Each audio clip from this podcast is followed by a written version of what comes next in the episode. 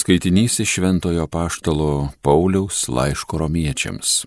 Broliai, kaip per vieną žmogų nuodėmė įėjo į pasaulį, o per nuodėmę mirtis, taip ir mirtis prasiskverbė į visus žmonės, nes visi nusidėjo. Jei dėl vieno žmogaus nusidėjimo turėjo mirti daugelis, tai dar labiau Dievo malonė ir vieno žmogaus Jėzaus Kristaus malonės dovana sukaupuoti teko daugybei. Jei dėl vieno žmogaus nusikaltimo mirtis įsiviešpatavo per tą vieną, tai nepalyginti labiau tie, kurie su perteklium gauna malonės bei teisumo dovana, viešpataus gyvenime per vieną Jėzų Kristų. Taigi, kaip vieno žmogaus nusikaltimas visiems žmonėms užtraukė pasmerkimą, taip vieno teisus darbas visiems laimėjo nuteisinimą, kad gyventų. Kaip vieno žmogaus neklusnumu daugelis tapo nusidėjėliais, taip ir vieno klusnumu daugelis taps teisūs. Kur buvo pilna nuodėmis, ten dar apstesnė tapo malonė. Kaip kad nuodėmė viešpatavo mirtimi, taip malonė viešpatautų teisumu amžinajam gyvenimui per mūsų viešpatį Jėzų Kristų. Tai Dievo žodis.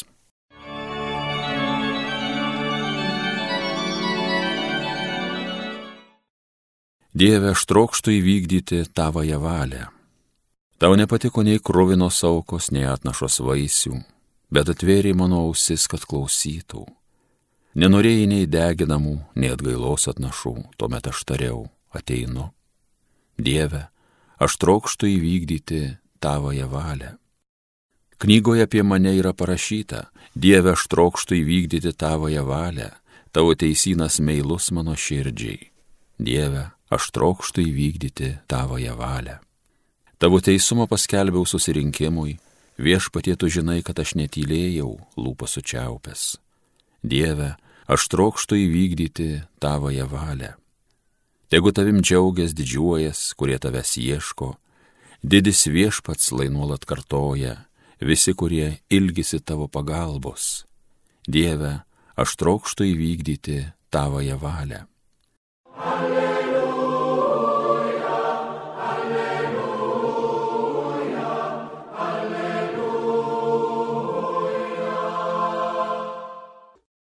Visą laiką būdėkite ir melskitės, kad sugebėtumėt kaip reikia stoti žmogaus sūnaus akivaizdoje. Alleluja.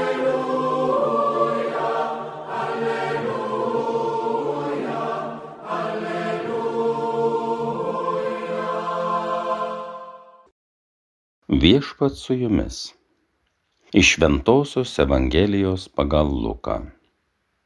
Jėzus kalbėjo savo mokiniams tebūnie jūsų strėnos sujuostos ir žiburiai uždegti, jūs būkite panašus į žmonės, kurie laukia savo šeimininko grįžtančio iš vestuvių, kad kai tik jis parvyks ir pasibels, tuo jau atidarytų. Laimingi tarnai, kuriuos sugrįžęs šeimininkas ras būdinčius. Iš tiesų, sakau jums, jis susijuos susodins juos prie stalo ir eidamas aplinkui patarnaus jiems.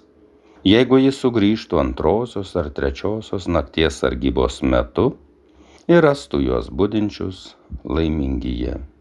Tai viešpatie žodis.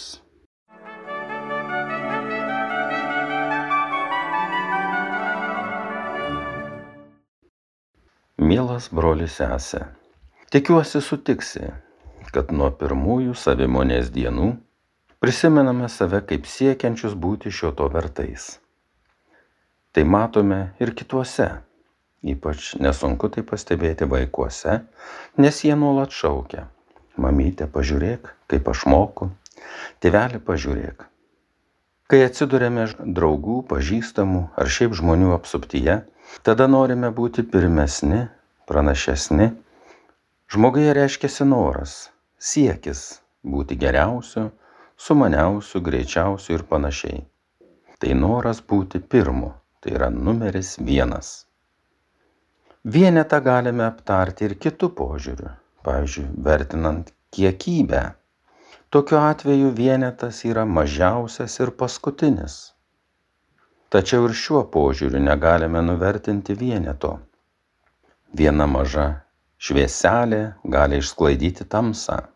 Dar labiau viena maža kibirkštis gali padegti visą mišką. Pirmajame skaitinyje skaitome, kad nuodėmė į pasaulį atėjo per vieną žmogų, o su nuodėmė mirtis. Ir taip mirtis išplito po visą žmoniją, nes visi nusidėjo. Tokia buvo greunamoji vos vieno žmogaus nuodėmės gale. O jei nusidėjo visa žmonių giminė, tai tokį niokojimą sunku suvokti.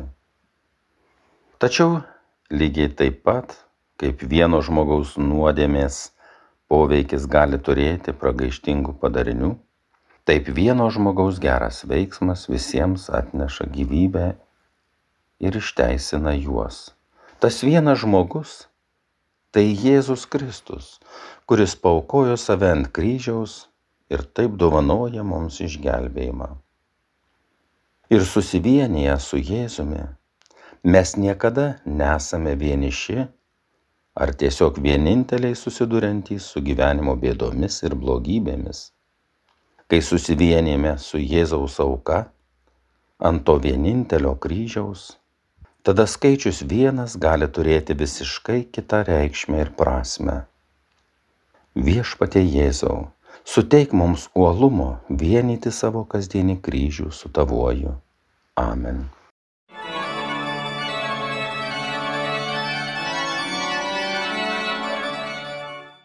Evangeliją skaitė ir homiliją sakė brolis pranciškonas kunigas Antanas Grabnickas.